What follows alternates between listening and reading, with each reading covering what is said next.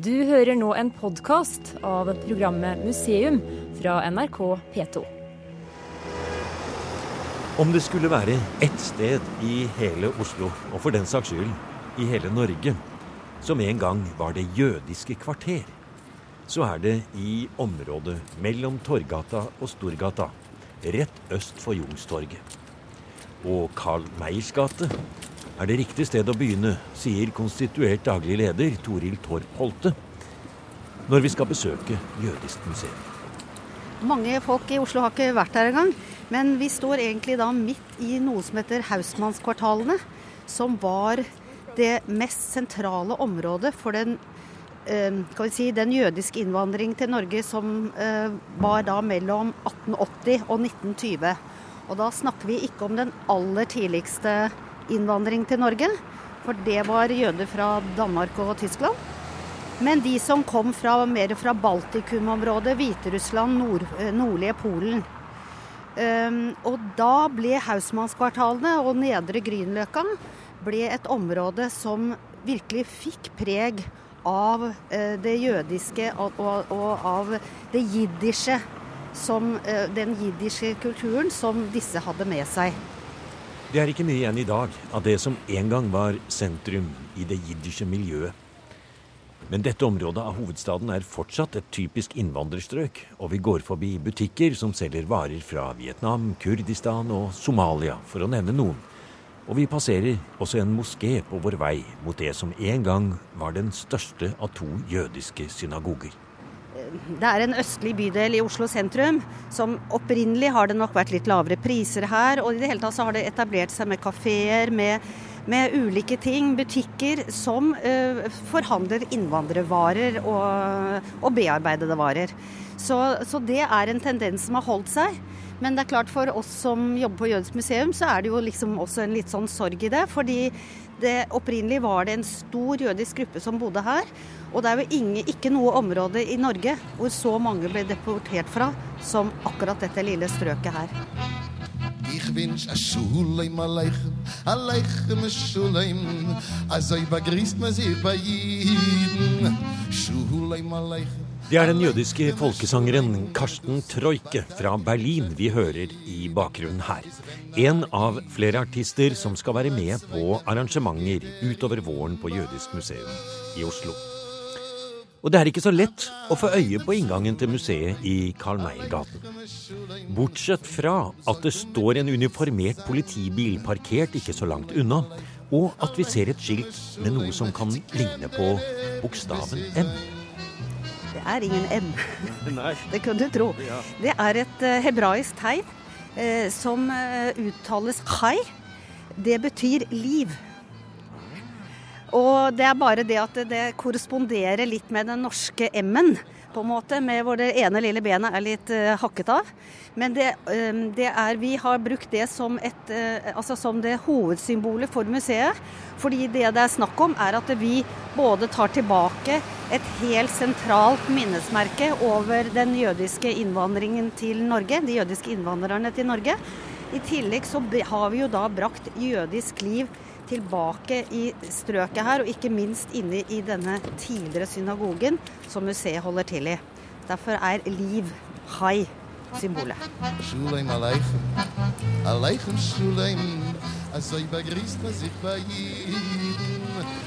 Nå går vi over gatene her, og vi står faktisk utenfor Statens utlendingsdirektorat. Og her er det biler og trafikk, så vi springer litt over her. Og det er mange vi Det er egentlig et område som er da eh, som vi har snakket om, preget av moderne innvandring i dag. Og det å drive et jødisk eh, museum, Toril, det betyr også sikkerhet i dag. Det er jo ikke så vanlig på museer at man på en måte blir passet litt ekstra på av politiet. Nei, altså når vi treffer eh, folk som jobber ved andre museer i Norge, så blir de jo veldig forskrekket ofte når vi forteller hvordan vi forholder oss til når vi lukker denne porten her. Hver gang vi går igjen denne porten her, så sørger vi for at det for så vidt bare vi selv som går inn, eller, og, eller på en måte at vi vet hvem som kommer inn. Så, men det er en, altså det er en hard realitet. Eh, som eh, ikke bare vi må tenke på, men som tenkes på av selvfølgelig av offentlige myndigheter her også. Så det er en realitet som vi må forholde oss til. Vi har nødvendige sikkerhetstiltak i det daglige her. Men det er klart at dette Vi skal også være et åpent museum for publikum, og må balansere dette. Fortsatt med klesmermusikk fra Karsten Troike i bakgrunnen går vi inn i Jødisk museum for å møte historiker og faglig leder Mats Tangestuen, sammen med pensjonert siviløkonom Øystein Løvseth. Var dette den gamle synagogen du som var her? Ja. Det var fra 21 til 42.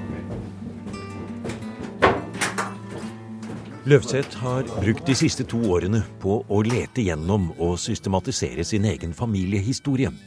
Gjenoppdaget i form av fotografier, brev og dokumenter i en kasse på loftet.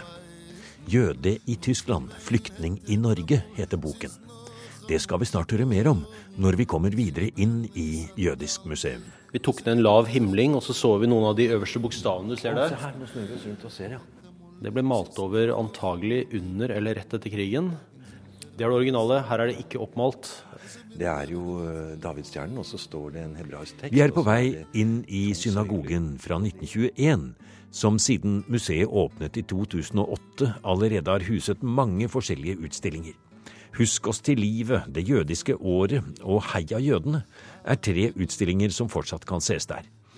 Den siste handler om hvordan idretten også har vært en arena for jødiske idrettsmenn og -kvinner.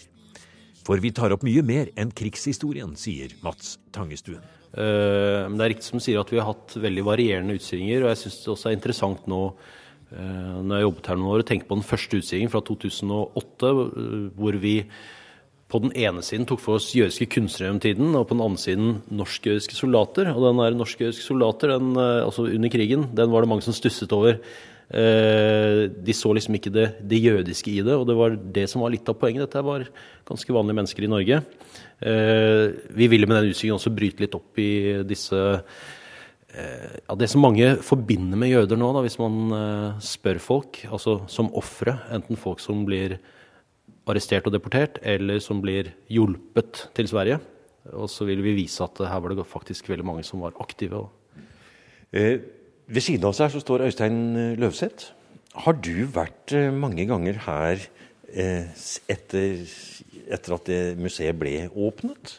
Altså Jeg kom hit jo første gang i forbindelse med at jeg var i ferd med å skrive en bok. Så da ble jeg jo inspirert til å gå her. Og jeg har funnet en del materiale der, bl.a. fotografier, som jeg også har brukt i boken. Ja, For du er da et eksempel på en person i Norge som har en jødisk familiebakgrunn. Men er det riktig hvis jeg sier at du kanskje ikke til enhver tid har liksom tenkt på deg som eh, en, den kjernetypiske eksempelet på en, eh, en, jødisk familie? Det er riktig. Det, er sånn det er. Og det er klart du jobber du, mange år hvor du er opptatt med jobb og familie. Og så ble jeg pensjonert for et par år siden.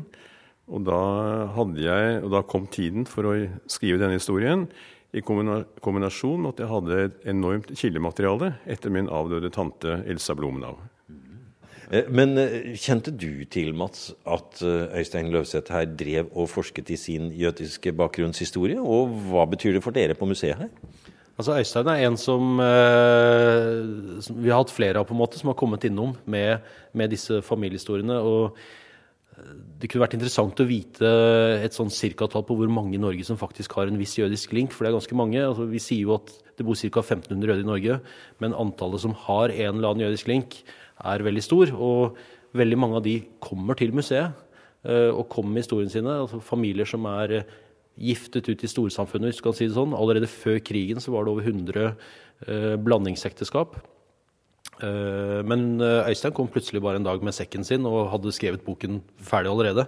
Ja. På et fantastisk kildemateriale. Så han hanket vi bare inn og fikk han til å fortelle om det her.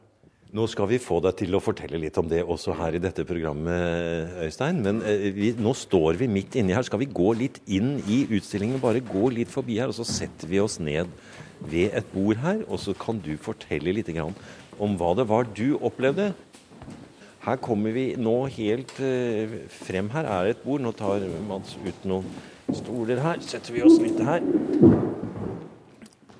Og her ser vi rundt oss nå de typiske jødiske helligdagene er det vel vi ser rundt oss her. Et helt år på en måte i den jødiske tradisjonen. Eh, var det noe dere hadde i din familie når du vokste opp? Nei, absolutt ikke. Altså, min bestefar var jo da jøde, og, eh, men han var jo da død. Eh, og det har ikke blitt praktisert noe slikt i min familie i det hele tatt. For å stille spørsmålet helt direkte, følte du deg som en jøde? Nei, jeg gjorde ikke det, altså. Det, men jeg visste at historien var der. Eh, men jeg hadde ikke hatt tid og ork til å grave i den, rett og slett. For det du da begynte å grave i, det brakte deg jo da inn i Blumenau-familien i Tyskland? I Tyskland. De kom som flyktninger hit etter krystallnatten i november 1938. Eh, min eh, mormor hun var norsk født, arier da, som det jo heter. Så de flyktet hit, hvor de hadde slektninger fra min mormors side.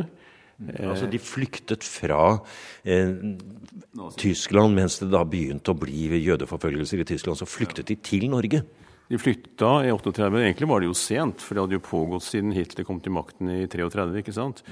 Men eh, da ble det utholdelig, eh, så da måtte de komme seg av gårde.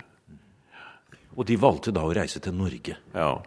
Siden min mormor, altså som var gift med min bestefar da, var norsk. Det var jo grunnen til det. Eh, Hun reiste hjem på en måte til sitt fødeland og trodde seg trygg her. De var trygge i et drøyt år, ikke sant? frem til april 1940. Så kom tyskerne etter, eh, nazistene. Og når du da har gått inn i dette materialet, så har du også oppdaget litt hvordan det var da for Kurt Blumenau, som han het, å leve i det tyske 1930-tallet som forfulgt jøde? Ja, altså Jødene de var jo godkjent som fullverdige statsborgere kan du si, etter at Tyskland ble et rike. Derfor var de kommet langt da. Det var i 1871. Og så kom første verdenskrig, og da deltok han i krigen med stor ære og stolthet. Ja, Du har vel til og med noe her, tror jeg, som du har tatt med? Ja, hans vernepliktsbok og bilder i flott uniform. Og tar du fram noe som nesten ligner på et pass. Å, se her! Jeg legger du frem et A4-bilde her, hvor det er en meget stram eh, kar som sitter her i, i en tysk uniform fra første verdenskrig. Se på den her, den er flott, Mats. Eh, det er originaldokumenter her. Veldig fin. Veldig fin. Absolutt. Ja. Så det, er en krigsbeordring til å delta i første verdenskrig, hvor han var med. Så det er jo Skal vi se, kan, vi, kan, du lese litt for oss på den, tror du? Nå tar du på deg brillene. det er jo på tysk, da, men han altså Jo, jo, men altså, dette det er, det er jo et spesielt, uh, ja. altså autentisk originaldokument vi ser på her. 'Krigsbeordrung' står ja. det øverst der. Derfor hadde Kongelig prøyssiske distriktskommando i Berlin, hvor han hadde blitt bedt om å møte en tidlig morgen klokken fem på en adresse i Berlin. Likevel, det var ikke nok når Hitler kom til eh, makten, for det viste seg at han var annenrangs borger i deres øyne. Absolutt. Altså, de ble skånet, de som hadde deltatt i første verdenskrig, en kort tid. Eh, ble ikke fratatt pensjon hvis de hadde det, og mistet ikke jobben, men det varte jo veldig kort. Så var det slutt. Og da var det, som du sier, ja, veldig strenge tiltak som ble satt inn mot de som var jøder. Hvor har du fått disse papirene fra? Du, jeg hadde noen mørke loft hvor det lå kasser etter min avdøde tante Elsa Blumenau eh, med flere tusen fotografier. Veldig små, ikke like skarpe. Og masse brev, i hvert fall en del brev, på tysk. Eh, pluss at jeg har noen overleveringer som er muntlige. da. Men var dette ting som da Blumenau-familien hadde med seg når de flyktet til Norge, og som har overlevd da krigen i Norge også? Ja, faktisk. Altså, det var jo ikke mye de fikk med seg, for de måtte jo flykte i hurten og styrten. Men eh, overraskende nok så har de med seg mye dokumentasjon også. Hadde det. Hvordan var det for deg å finne dette på loftet? Ja, det var, eh, det var jeg, jeg, visste jo at det lå noe der, men jeg hadde jo ikke hatt tid til å gå inn i det. Så det var ganske overraskende. altså. Og eh, det er klart, det å jobbe med et sånt materiale, eh, det gjør jo veldig mye med deg. Du blir jo sterkt påvirket, for det er jo din egen familie, dette her. Og min mor døde også midt oppi dette her like etter krigen, så det var, det var, tøft, det må jeg si. Og det som skjer da, at du blir jo da på en måte Etter hvert så blir det, uten å bli for flott, så blir det også eksistensielt. En del av de tingene som du da må grave i og prøve å skjønne. Og eh, det som jo også da eh, sitter, det sitter igjen med inntrykk, det er jo at de klarte å bevare masse glede, altså livsglede, optimisme. Og det er jo overraskende. Men det er vel sånn at når du blir satt på prøve, så må du også bli sterk og stå opp. Og da kommer også den siden frem. Jeg tenker på det, Øystein, at når du begynner på dette store arbeidet som vi nå har fått høre litt om, hvordan du gradvis eh, nær sagt pusler sammen familiehistorien. Du har disse funnene på loftet. Det er eh, bilder, det er eh, kanskje brev, papirer. Og her ser vi vi har et postkort. Fortell om hva det er. Så dette er min bestefars søster som skriver fra Warszawa-gettoen, eh, hvor hun var internert da, sammen med jødene. Eh, sendt til sin bror, min bestefar i Norge, eh, med et, en høflig oppmodning om å sende mat etc til dem.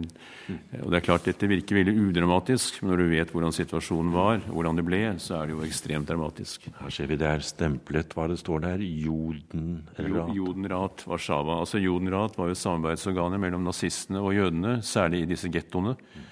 Men det var jo noe som var påtvunget. Her er det stemplet på at dette postkortet hvor hvor da Lina Wolff ber sin bror Kurt Blumenau, som har flyktet til Norge, om å sende hjelp i form av mat og andre fornødenheter. Det er da stemplet den 8. august 1942, og du har fortalt at det er jo bare et par måneder før det norske politiet banker på og tar ham med til Bergleir. Det er riktig. det er riktig. Altså, hele denne prosjektet her begynte med at jeg hadde jo jeg måtte bruke det store spisestuebordet i stuen og legge utover eh, alle bildene, brevene etc. Og det brukte jeg faktisk et år på. Bare sortere og få orden på det her. Eh, men de møtte hverandre, min mor og far, under krigen under et bombeangrep i Oslo. Hvor eh, de var sammen for første gang, helt tilfeldig. Og så måtte de legge seg ned under bordene mens dette pågikk. Eh, og da sa min far til henne, han var en frisk fyr, at du skal gifte oss, vi to, sa han. Mm. Og slik skulle det da bli en tre-fire år senere, i 1946. Så eh, ja, det er klart, det med min mor har jo vært en, også en del av historien. Det er ikke til å unngå. Og, og grunnen til at hun ikke ble internert eller eh, tatt, det var jo dette at hennes da Mor igjen var jo norsk. Ja, men det var på hekta. altså De ble jo tatt, som jeg vel nevnte, den, i oktober 1942. Tok de min bestefar en tidlig morgen. Og de ville jo ta med seg barna òg, som var halvt jøder. Og da var det min, eh, min tante som kunne vise frem et bevis på at hun var konfirmert kristen. Min mor hadde ikke noe sånt, men det var nok til at de da vegret seg mot å ta med de to unge jentene. Og her finner jeg et annet dokument. Det må ha vært veldig spennende eh, det du la ut på det spisebordet som du sier, og hadde et år. For det må jo ha vært så mange ting du oppdager der. Blant annet, Fortell litt om det jeg sitter og holder i her. Det du holder i nå, det fant jeg på Riksarkivet, hvor du er eh, med stor grundighet av arkivert mapper og min bestefar. Hans jødebo, som det heter så flott. Eh, og der finner jeg da at de gjorde en full, opp, en full fortegnelse av hva de eide, ned til den minste Eh, eh, minste teskje eh, med stor grundighet. Og det var norske advokater som var da håndlanger i denne prosessen og bistå de tyske okkupantene. Mm. Ble dette, dette innboet da beslaglagt på noen måte? Det ble beslaglagt, men siden de var en familie med min mor, og, som var arisk, da, og deres to døtre, så ble det inntil videre ikke fjernet. Så de fikk bo der. Og etter en prosess på et snaut år så fikk de da eh, altså frigitt dette i den forstand at det, ikke lenger var noen risiko for at det ville bli borte. Mm. Og vi ser her står det da en stor buffé, ryggstoler, skatoll, taklampe, tre slitte løpere. Det er taksert til kroner fem. Et fag gardiner, salongbord. Eh, diverse tyske bøker, du. Mm. Ja, fra, fra, sikkert da fra Kurt Blumenau, da. Mm. To bilder, eh, kroner 15. Et slitt gulvteppe kroner fem. Det er helt utrolig hvor nøyaktig det er. Og så ser vi den dyreste tingen de hadde. da, Det var jo en veldig flott ting også. Det var et piano, og det er borte. Jeg vet ikke hvor det ble av. En del ting ble stjålet, jeg vet det. Bl.a. en frimerkesamling fra min bestefar. Den ble borte. Og sånn var det jo. Det meste ble jo enten solgt senere, eller så ble det stjålet. Shuleim aleichem, aleichem shuleim.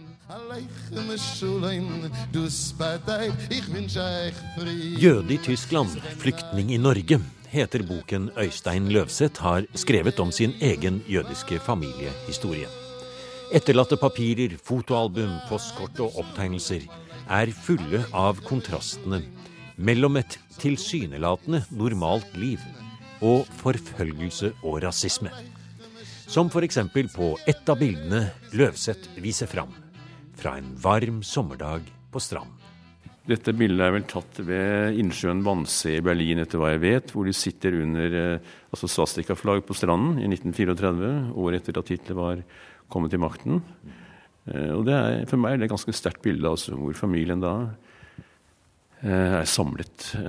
ja.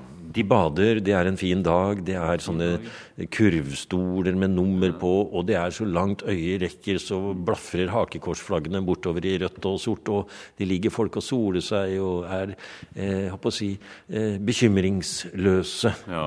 Så det er et bilde fullt av kontraster. Og det var også sånn at de dro jo en del på ferie til Norge på 30-tallet for å besøke min mormors familie her. Og det er klart det var jo et stort pustehull i deres liv. Så da å dra tilbake etter en uh, fin sommerferie her til uh, det antis, antisemittiske diktaturet i Tyskland, det må ha vært, vært, tøft. Hva sier du, Mats? Hvor typisk er denne historien, eller på hvilken måte gir den et nytt tilskudd til si, samlingen av jeg hadde nesten sagt livsskjebner dere har her på Jødisk museum?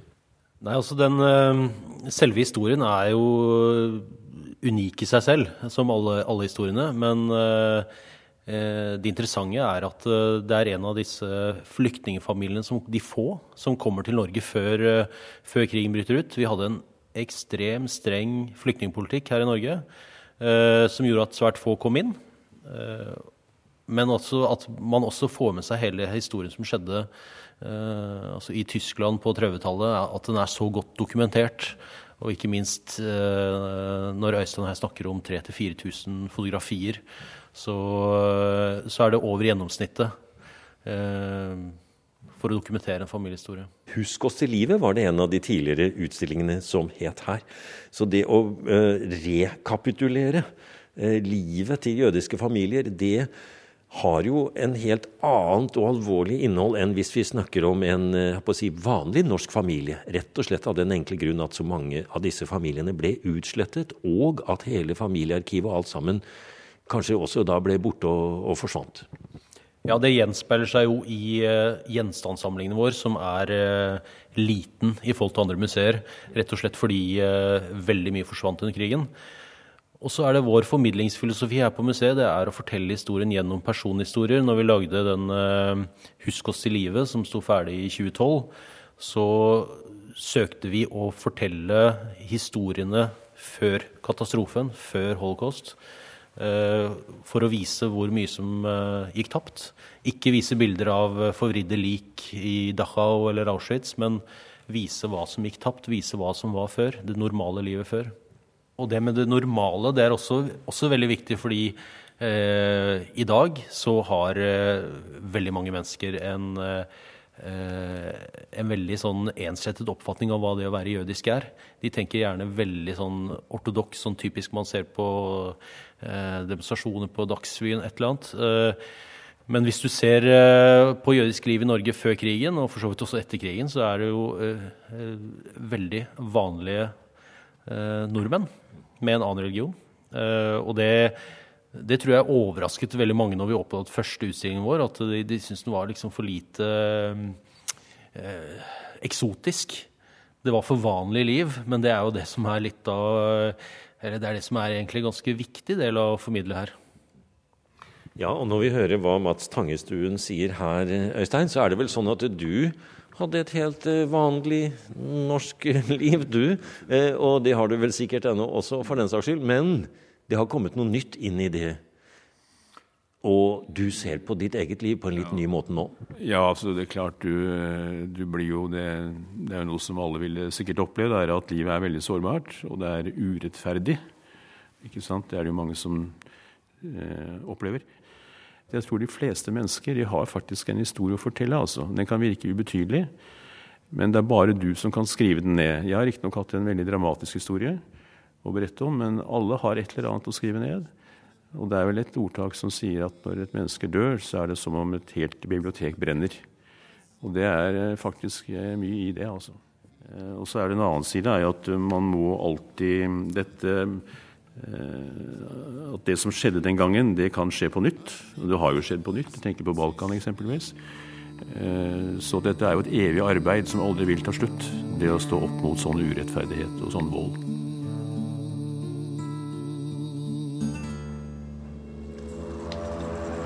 Du har nå hørt programmet Museum fra NRK P2 i en versjon uten musikk.